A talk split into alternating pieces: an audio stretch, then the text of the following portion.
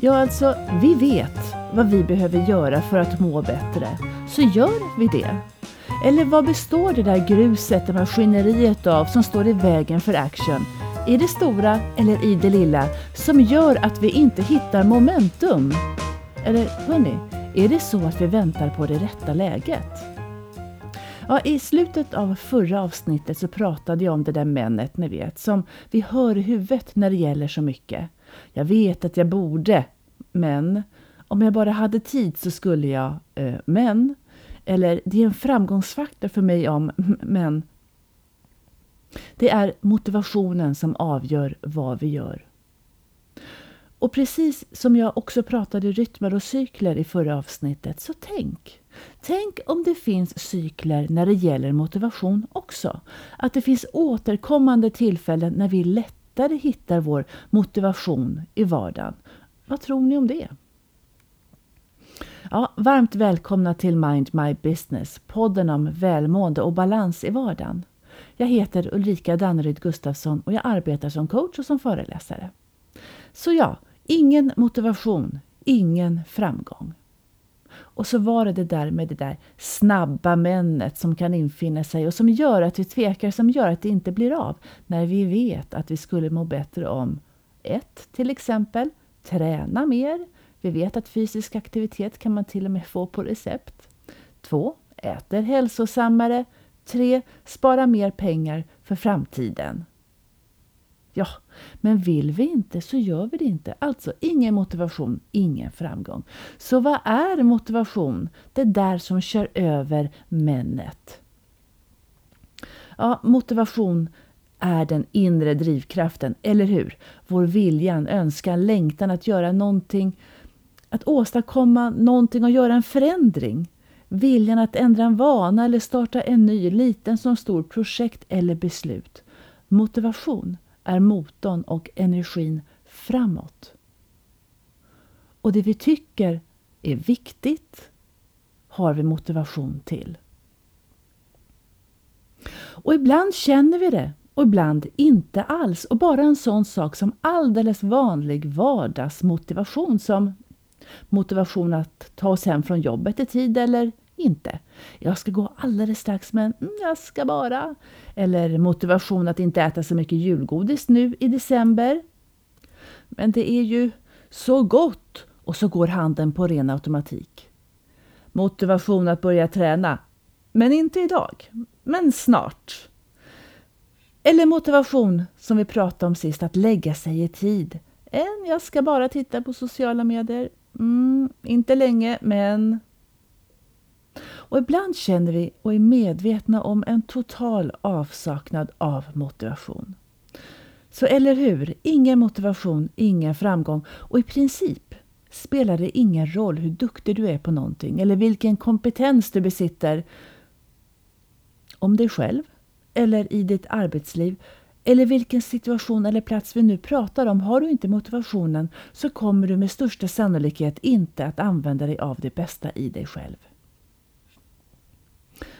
Du vet hur du är när du är omotiverad och jag gissar att det inte är då du känner dig som mest påhittig, lösningsorienterad, stark, tydlig, rolig, glad. För nej, omotiverad har inte ett sånt där rosa, rosigt skimmer runt sig. Och det finns nog ingen organisation som kan klara sig med omotiverad personal kort och gott, eller hur? Och hur är det med din organisation? Och då syftar jag på organisationen du själv. Hur motiverad är du att jobba med dig? För ingen motivation, ingen framgång. Är du medveten om vad som egentligen motiverar just dig? Vad som är viktigt för just dig? Är det att komma igång och se resultat eller är det trygghet? Är det pengar? Är det bekräftelse av andra? Eller kanske blir du motiverad av att inte behöva? Motiverad av att inte behöva anstränga sig? Eller kanske är din största motivation att bevisa för någon annan att de ska minsann få se? Eller är det kanske att känna att du har kontroll, att kunna ta egna beslut, att, att ha egen mandat? Känner du stark motivation för att du har ett mål som du har bestämt dig för att uppnå, privat eller på jobbet? Eller känner du motivation bara för att du generellt känner dig motiverad? Att du är en så kallad autoterisk person? Alltså en person som har en ja, härlig fallenhet för självmotivation. Vi känner när vi träffar en sån person för deras energi har en tendens att smitta av sig i en mycket positiv riktning. För er som lyssnade till avsnittet Flow in action vet att jag pratade om relationen mellan utmaning och förmåga som en ja, stark grund för motivation. Och att vi blir som allra starkast i situationer när vi, när vi ja, använder oss av vår kompetens, vår förmåga, våra färdigheter och i en situation som vi behärskar. En ganska utmanande situation men som vi behärskar och som vi förstår och som trots allt är tydlig. Skulle den här utmaningen däremot bli för stor och dra iväg allt för mycket och vi känner att vi inte greppar, har kontroll och förstår så får vi allt som oftast en känsla av obehag eller stress. Och då pratar vi inte bara om jobb och karriär, en prestation, utan även i det privata, som relationer och egna välmåendet. Bara en sån sak, till exempel som att våga visa sig sårbar, kan vara en stor utmaning. Så att möjligheten att påverka graden av utmaning, ja, det är ett sätt att känna att vi är i kontroll som är en bra väg mot bibehållen motivation. Och hur påverkar man då en utmaning? Ja, faktiskt så sitter mycket av känslan av utmaning i hur vi tänker runt det. Hur vi tänker runt själva utmaningen, alltså i kravet på oss själva. Att släppa höga krav på sig själv, det vet ni alla som har försökt, det är lättare sagt än gjort. Att våga vara inte perfekt, att riska att misslyckas, om vi ska kalla det för det. Ah, att våga vara sårbar. Tänk den dyker upp rätt ofta. Att våga vara sårbar. Och att bestämma sig för den utmaningen, det är en utmaning som kräver motivation och för många väldigt mycket mod. Och för många till och med så är det så läskigt att de inte ens känner och erkänner det för sig själva. Utan bara använder sig av en kort undanflykt som ”jag har inte tid”. Så varför är det då en framgångsfaktor att våga vara sårbar? Kanske någon undrar. Jo, för att rädslan för att misslyckas gör att vi inte vågar skjuta på mål helt enkelt. Att vi kanske inte provar att ta reda på vad vi verkligen går för, för att rädslan lägger, lägger en dimma runt vår motivation.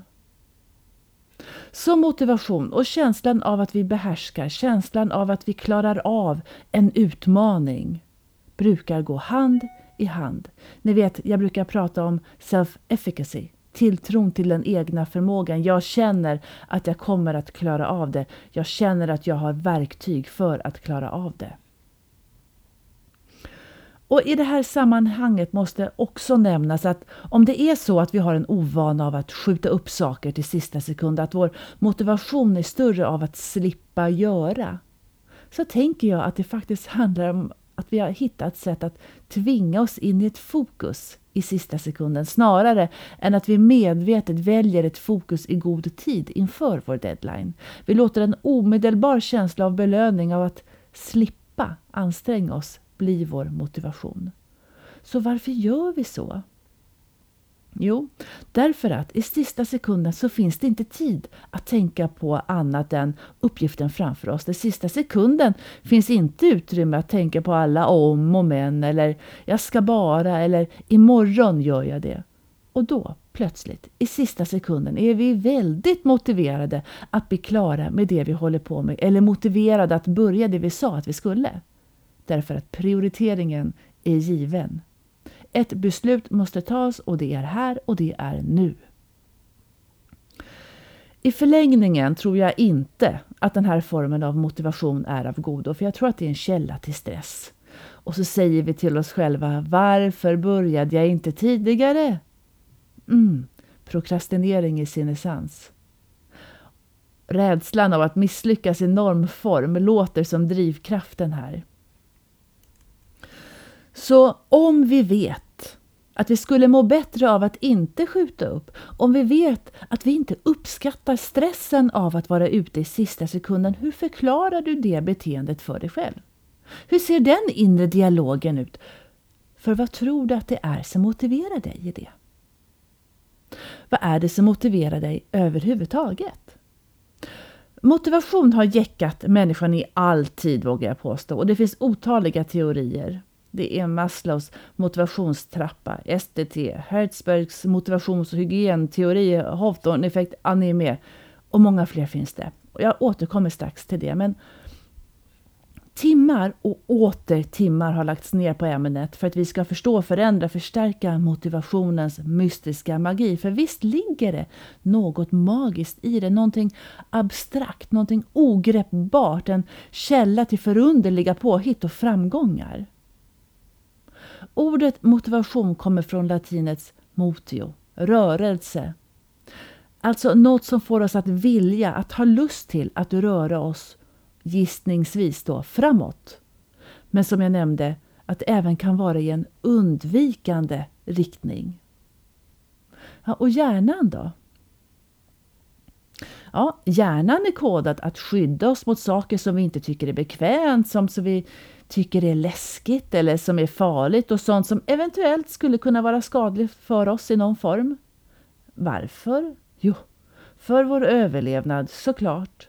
Därför att om vi inte hade en broms och saknade självkontroll och impulskontroll, då hade vi kanske fungerat efter regeln att man kan prova allt en gång. Och motivation lär sitta i prefrontala cortex i hjärnan, den främre delen av hjärnans pannlob. Och signalsubstansen dopamin spelar en nyckelroll när det kommer till motivation eftersom det skapar känslor av vällust i vårt belöningssystem vilket i sin tur gör att vi anstränger oss, kroppen är fiffig. Och när vi anar att vi har kommit någonting spännande på spåret, ja, då känner hjärnan igen att aha, här kan något viktigt hända och kickar redan då igång dopaminet. Ja, syftet är helt enkelt att uppmuntra oss till att agera antingen för att uppnå något eller för att undvika något som kanske då kan vara farligt för oss. Men som vanligt så är vi inte alla lika. Och det har visat sig att dopaminet fungerar lite olika i människor. Just en sån studie publicerades i The Journal of Neuroscience 2012. Och där beskrev de att så kallade go-getters, ni vet människor som är villiga att arbeta hårt för belöning, ja, man såg att de hade en högre frisättning av dopamin i områden i hjärnan som är kända för att spela en viktig roll i belöning och motivation. Å andra sidan har så kallade slackers, de som är mindre villiga att arbeta hårt för en belöning, haft höga dopaminnivåer i ett annat hjärnområde. Det område som spelar en stor roll i känslor och riskuppfattningar, den främre insula. Så vissa har ett tydligare belöningssystem för att anstränga sig för sin belöning och andra har ett tydligare belöningssystem för att undvika en utmaning. Och då funderar jag lite över mig själv, hur jag fungerar och fungerar jag alltid på samma sätt? Och hur fungerar du, tror du? Ja, men hjärnan vill ju i mångt och mycket behålla oss i vår komfortzon. För där är det lugnt och skönt och tryggt. Och om det är där vi vill vara, precis som tjuren Ferdinand vill vara vid sitt korkträd, då är det där vi ska vara. Och det kan ju vara en utmaning i sig. Vi vet ju vad alla andra runt tjuren Ferdinand tyckte att han borde göra och vad han borde vara bra på för att de ville det. Bandeljärerna och picadorerna och inte minst matadoren. Ja, människor vi har omkring oss helt enkelt. Så låt oss även inspireras av andra och av dem vi har omkring oss. Som läkaren och hjärnforskaren Mona Esmailzadeh säger vi blir som vi umgås. Och då pratar vi inte bara empati utan att våra hjärnor lär av varandra. För forskningen visar starkt hur vi formas av vår omgivning och de vi umgås med. Så vem vill du lära av? Vem kan du bli motiverad och inspirerad av? Så jag tänker att det många gånger handlar om att röra om i våra invanda mönster och trigga igång vår energi framåt, vår motio, vår rörelse framåt. En vana, det är ju som ni vet någonting vi gör så pass regelbundet att det till slut automatiseras. Vi lägger ingen större tankeverksamhet på det längre för det går av bara farten. Och hjärnan, hörni, tycker om vanor för det är energisnålt. Så vi lyckas sällan göra en förändring om vi inte bestämmer oss för att gå utanför den trygga zonen. En förändring kräver ansträngning. Och tänk så många timmar vi har lagt ner på att skapa en vana eller en ovana. Det är ju inte så konstigt att det kräver en hel del övertygelse av oss för att bryta den. Och då ska vi veta att hjärnan hela tiden vill dra oss tillbaka till den energisnåla komfortzonen där det är lugnt och skönt.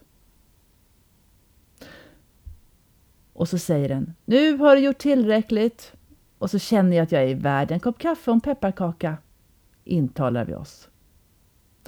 Så motivationen behöver ha några argument i rockärmen. Och vi behöver bestämma oss för att hålla fokus.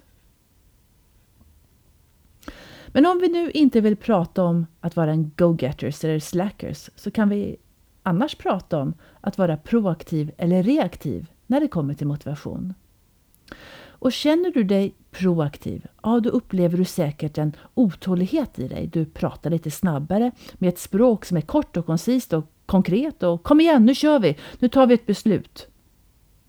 Och när vi har bestämt det så har vi ju bestämt det och då är det bara att skrida till verket. Då finns det ingen tid för onödigt ältande, eller? Och det kan kännas svårt att sitta still så du kanske sitter och leker med pennan eller trummar med fingrarna och dina rörelser, ditt kroppsspråk följer dina tankar och det går snabbt. När du känner dig reaktiv, ja då upplever du att du vill reflektera, analysera och verkligen hitta rätt känsla och förståelse innan du känner dig motiverad att gå vidare. Det tar med andra ord lite längre tid. Och genast när jag börjar tala om att vara reaktiv så pratar jag lite långsammare och mer eftertänksamt och jag rör mig långsammare. Det är svårt att tänka snabbt och röra sig långsamt. Har ni provat det? Eller gå långsamt och prata fort. Så ni kan ju tänka er att de här två olika varianterna kan krocka. En proaktiv och en reaktiv person. Nåväl, jag tänker att du ändå känner igen dig själv i båda fallen, men gissningsvis i olika situationer. Kanske är du det ena mer i jobbliknande situationer och den andra privat. Alltså, när är du motiverad till tempo och när är du motiverad av reflektion? Och bara en sån sak, till exempel som människor som tar många kvicka och krävande och konkreta beslut i sitt arbetsliv kan ju uppvisa raka motsatsen när det ska bokas en semester med familj eller vänner. För då, plötsligt, händer det ingenting. Då ska det funderas på. Då kanske det inte riktigt finns den där reaktiva motivationen. Men hörni, nu pratar jag inte så mycket om utmattning, att man är så trött när man kommer hem från jobbet så att man till exempel inte orkar ta ett beslut av den anledningen, utan jag pratar snarare om mönster vi har i vardagen, våra vanor och ovanor. Men visst, känner vi oss inte på topp, trötta, jobbat för mycket, stressade, så är vi mer benägna att falla tillbaka till gamla mönster och falla tillbaka till en tråkigare inre dialog om oss själva, till oss själva och då blir givetvis viljan att undvika ett misslyckande större snarare än att jaga framgång. För när vi pratar motivation så tror vi gärna att det behöver handla om en stor prestation. Det gör det inte. Det kan lika väl handla om motivationen att varva ner, motivation att ta det lugnt, motivation att stå upp för sig själv. Men att göra det på ett medvetet sätt.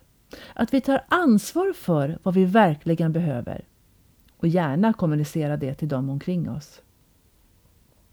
Och känslor kan spela oss ett spratt och jag uppmuntrar oss alla att ha lite koll på dem. Och särskilt nu om du ska ge dig in på att förändra en vana eller ovana. För hjärnan tycker med stor sannolikhet att det är good enough nu. Nu klarade du första steget, det räcker så. Det var nog inte så viktigt som du tyckte igår, för nu har du tränat två gånger den här veckan det är helt alright om du hoppar över nästa träningspass. Hmm. Känslorna kan spela oss ett spratt. Men känner du dig härligt motiverad, då bryr du dig inte om den där inre övertygande tvekan till avbrott utan fortsätter som du hade lovat dig själv. Men vad händer om du inte helt och fullt har förankrat beslutet i dig själv? Ja, då kan hjärnan hjälpa dig att fira stora triumfer med Det räcker nu, du har gjort tillräckligt, nu kan du belöna dig och slappna av en stund. Jag menar, hjärnan vill ju stå till ditt förfogande och gärna ha snabba belöningar.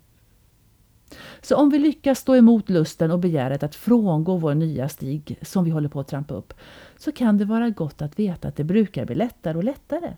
Vi lär oss känna igen våra signaler och så kan vi därför förekomma oss själva och parera fallgropen nästa gång. Och det i sig stärker ju känslan av att ta tillbaka kontrollen och det i sig blir en belöning.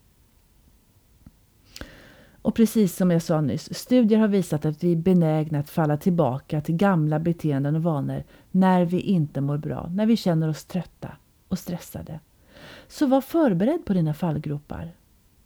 Vad är det som triggar dig att avbryta och tappa motivation? Finns det ett mönster? Har du en akilleshäl?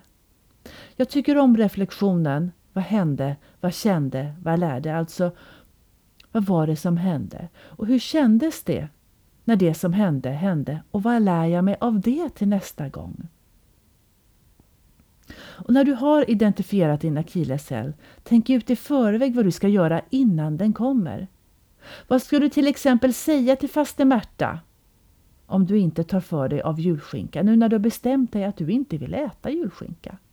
Du vet att hon kommer titta uppmanande på dig och lyfta höga ögonbrynet för så gör faste Märta. Och du vet att hon kommer säga någonting vasst inför alla samlade. Då kan det vara gott att ha en plan. Och som ni vet så är det inte så vanligt alltid att vi kommunicerar våra mål och önskemål till andra. Och så hamnar vi också i ett försvar när någon kommer med den provocerande frågan. Men varför ska du göra det där? Vad ska det vara bra för? Så oavsett situation, hjälp dig själv med att ha tänkt ut i förväg vad du ska tänka, säga, göra när du känner dig utmanad eller upplever motstånd i din motivation och stöter på dina bandeljärer och pickadorer och inte minst matadorer. Och en annan sak, ord väcker känslor. Det vet vi. Säger jag ordet helvete eller säger jag ordet ljuvlig så väcker det olika känslor i oss. Så ett hett tips är att hitta sina egna kraftord att säga till sig själv, som ett S i rockarmen. Jag vet att jag är stark. Jag är en person som når mina mål. Jag är min inre egna ledare. Det är klart jag kan. Jag är omtänksam mot mig själv. Jag är omtänksam mot mig själv. Hörrni, det finns någonting annat när det kommer till fallgropar som jag faktiskt kan tycka är det viktigaste av allt. Acceptans. Så det gick inte som jag hade önskat. Mitt första utkast till förändring gick inte hela vägen. Men all right. Belöna framgång snarare än kränkt dina eventuella misslyckanden. För ni vet den där inre dialogen vi har om oss själva, till oss själva. Låt den vara konstruktiv och inte destruktiv. För det finns ingen vinning av att piska sig själv och låta en nedvärderande inre kritiker ta all plats. Acceptans. Bara acceptans i sig kan jag tycka underlättar för att vi ska hitta motivationen igen.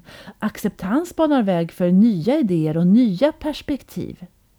Och ibland är det ju faktiskt riktigt bra att det inte gick som vi hade tänkt från början, för det banar plats för att vi ska koka ner vår sanning till sin essens om vad det är vi egentligen vill.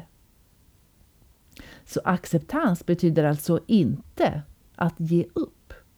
Acceptans handlar om att se saker som de verkligen är, för det är ju bara utifrån där vi verkligen är som vi kan gå framåt. Om jag nu mm, om jag nu verkligen vill ta mig till de vackra svenska fjällen för att åka skidor för att det är där jag mår bra. Om det är mitt mål så behöver jag ju acceptera att jag just nu står med fötterna i Stockholm. Jag har inte kommit till Gävle ännu. Hur mycket jag intalar mig så står jag fortfarande här. Det finns lite att göra innan jag har tagit mig till Gävle så i min planering kan jag inte få för mig att jag är där. Är ni med? Jag står ju i Stockholm. Jag behöver acceptera att jag inte har kommit längre än där jag är precis just nu. Jag har många samtal som handlar om att man vill ha en förändring i sitt liv, inte minst en känslomässig förändring. Och då tänker jag att ett av de första stegen är just acceptans. Jag mår som jag mår just nu. För var ska jag annars börja någonstans? Och ju tydligare jag är mot mig själv, ju sannare jag är mot mig själv, ja då tror jag också att vi lättare väcker motivationen och kan bli inspirerade av andra. Och kom ihåg, det är du som är chefen. Låt det bli den nya belöningen och trampa upp den nya stigen. Jag är stark. Jag är en person som når mina mål och jag är omtänksam mot mig själv. Jag accepterar.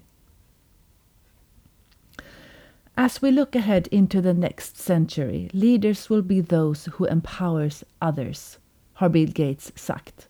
Alltså förmågan till att motivera andra att känna makt över sin egen situation, eller hörni? Varför inte förmågan att motivera sig själv och känna makt över sin egen situation? Det vill säga förmågan och insikten av att inte fastna i sina egna energidränerande tankemönster som gör en sanning av saker som ”jag kan inte”, ”jag är inte rätt person”, ”jag har inte rätt kompetens”, ”jag har inte tid” eller hur nu tankemotorvägen går. Leaders will be those who empowers others. Så det kanske bara handlar om att vi behöver påminna oss själva om att påminna oss själva om att motivera oss. Vad tror ni om det? Ja, motivation har som jag nämnde tidigare jäckat människan i all tid och det finns många olika teorier och det var Maslows behovshierarki, ni vet trappan som följer våra behov och där mat och vatten står längst ner och högst upp självförverkligande. Och där teorin menar att det är svårt att jobba med sitt självförverkligande, alltså vårt högsta potential, om vi inte känner oss trygga och har tak över huvudet. Och så har vi McLelland och prestationsbehovsteorin som menar att motivationen hos människor handlar om att nå framgång eller undvika att misslyckas. Och så nämnde jag SDT, Self Determination Theory, och där kärnan är att motivation påverkas av faktorer som känsla av kompetens och av autonomi, alltså självbestämmande och tillhörighet, social meningsfullhet. Och teorin säger att inre motivation är att föredra från den yttre. För när vi gör saker för vår egen skull och för att vi själva vill, inte för att andra säger att vi måste, så är sannolikheten större att vi också når våra mål. Och vidare så finns det en teori som kallas för operant betingning utvecklad av B.F. Skinner. Och den handlar om att vårt sätt att bete oss antingen får goda eller dåliga konsekvenser och således, om vårt beteende ger bra konsekvenser så är vi benägna att fortsätta med det. Skinner var emot bestraffningsprincipen eftersom han ansåg att det påverkade vårt beteende i en undvikande riktning. Han menade att om det finns risk för bestraffning så fokuserar vi på att undvika bestraffningen snarare än att gå med fullt fokus på lösningen. Operant betingning, ja det finns återspeglat i The Big Bang Theory när min favorit Sheldon belönar Penny med choklad som en positiv förstärkning varje gång hon beter sig på ett sätt som Sheldon tycker är riktigt och det är allt ifrån att plocka undan middagstallriken efter honom eller prata tystare när han tycker att det är lämpligt och så vidare. Såklart så blir Pennys pojkvän Leonard upprörd och tycker inte alls att Sheldon kan hålla på och behandla Penny som en labbrotta. Varpå Sheldon fullständigt övertygad säger Ja, men det ser ut som om jag kan det. Och redan nästa vecka så kommer hon kunna balansera en boll på näsan. Ja, väldigt roligt. Och idag, mer eller mindre, så pratar vi nästan uteslutande om inre och yttre motivation. Och inre motivation handlar ju då om att vi gör någonting för oss själva. För att vi vill, för att det är viktigt, för att det är meningsfullt. Yttre motivation för att någon annan vill att vi ska göra det, eller någonting annat. Jag tänker att inre motivation är så kraftfullt för att den har rensat bort eventuella motstånd som vi har inom oss och att den är starkare än eventuella motstånd som rädslan. Att viljan är större än rädslan eller viljan är större än bekvämlighetszonen eller viljan är större än rädslan av att andra ska se en som svag eller gubevars sårbar.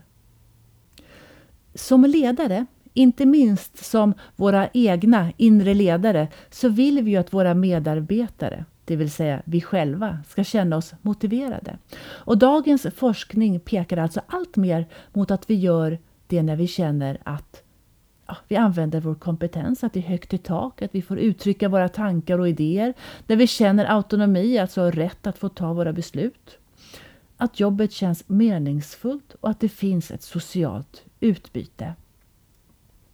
Det pratas inte särskilt ofta om den traditionella belöningen för motivation i form av pengar. Inte när det kommer till ökad motivation eller prestation i alla fall. Eller ja, det kanske är en sanning med modifikation för som Dan Pink säger, amerikansk författare och föreläsare, när det kräver eller när arbetet inte kräver en särskilt stor kognitiv utmaning, ja då finns det ett monetärt värde som motiverar. I övrigt så handlar det mer om, säger även han, viljan att styra våra egna liv och möjlighet att utveckla våra färdigheter, vår kompetens och behovet av att göra det vi gör av skäl som är större än oss själva. Alltså syfte. När vi känner inre motivation så behöver vi inte slåss mot prioriteringar på samma sätt heller, för det faller sig mer naturligt. Inre motivation gör att vi ger det företräde just för att det känns viktigt. Och kanske också just för att vi tycker att det är roligt. Och som vanligt en spännande reflektion. Vad är det du gör plats för i ditt liv? Vad är det du på daglig basis är motiverad att göra? Rör du dig mot eller ifrån? För det finns saker som vi obönhörligen prioriterar, medvetet eller omedvetet. Och prioriterar du det för att du vill eller för att det är en vana? eller för att det inte finns tid till något annat. Vad gäller långsiktig motivation så säger Angela Duckworth, professor i psykologi vid universitetet av Pennsylvania. Hon säger att det hänger på vår passion och uthållighet, eller grit som hon kallar det. Förmågan att inte ge oss, förmågan att fortsätta och förmågan att vara uthållig.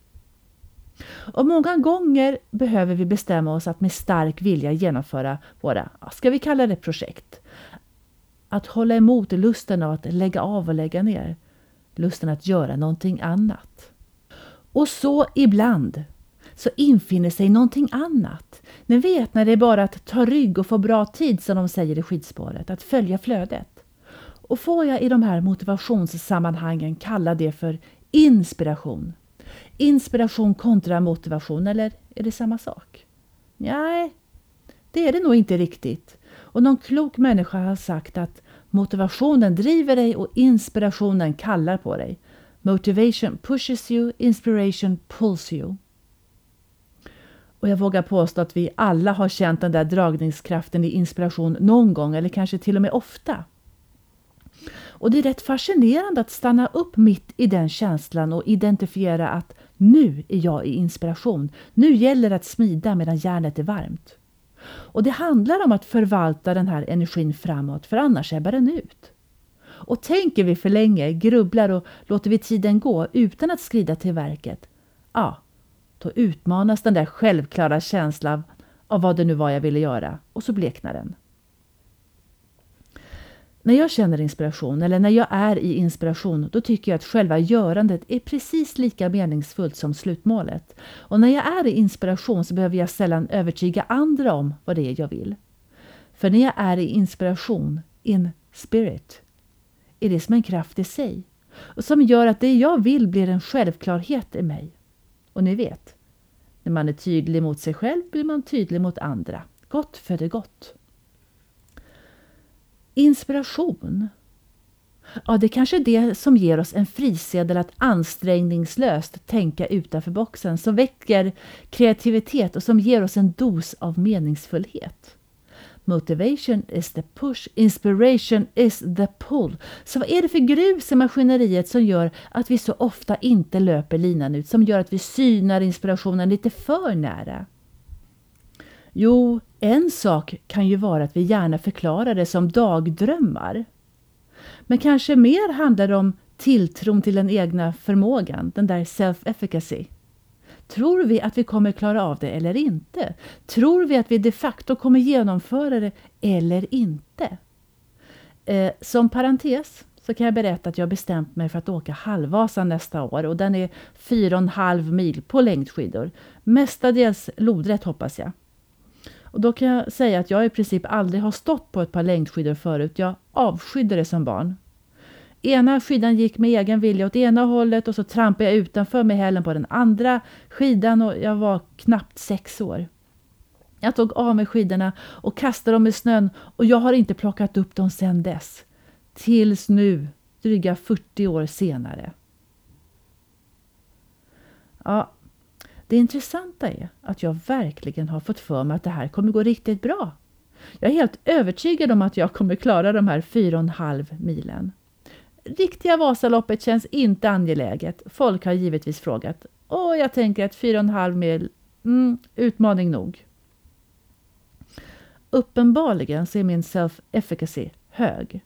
Varför vet jag inte riktigt, men jag tror. Alltså jag tror verkligen att det har att göra med att jag har fått för mig att jag kan ta mig runt på ren vilja, om inte annat. Mm, min man drar lätt på mungipan när jag hävdar det.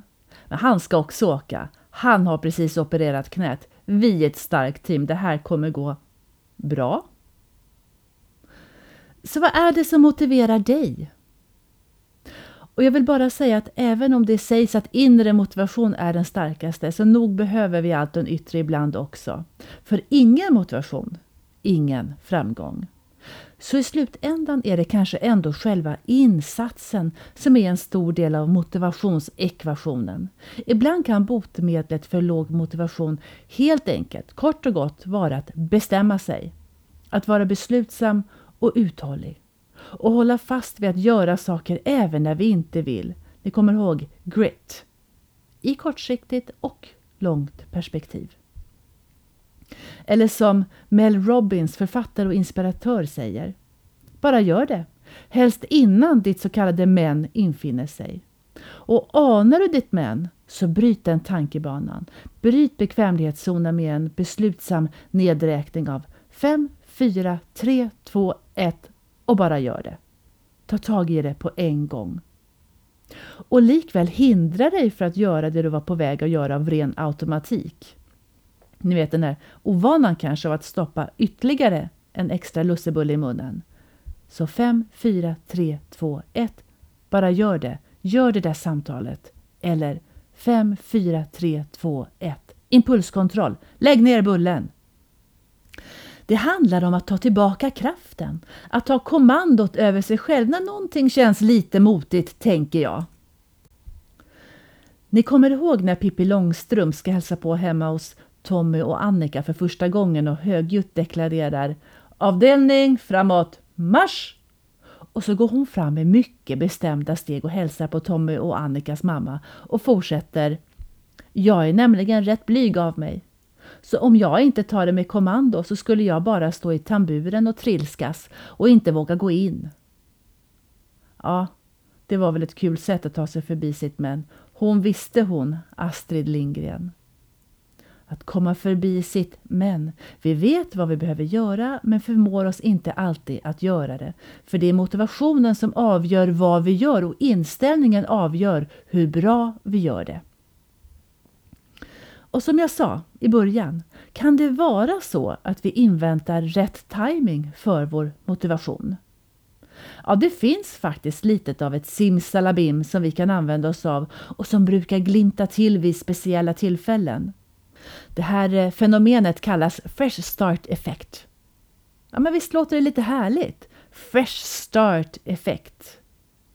Forskare med Catherine Milkman som en av dem i spetsen har kommit fram till att det är vid speciella brytpunkter som nyår, precis efter semestern, vid födelsedagar, en måndag, alltså när en ny cykel tar vid, så vi känner oss mer målmedvetna och ännu mer motiverade. Och förmodligen så lär det handla om att vi anser att den dagen som vi anser är vår brytpunkt är mer meningsfull än den vanliga vardagen.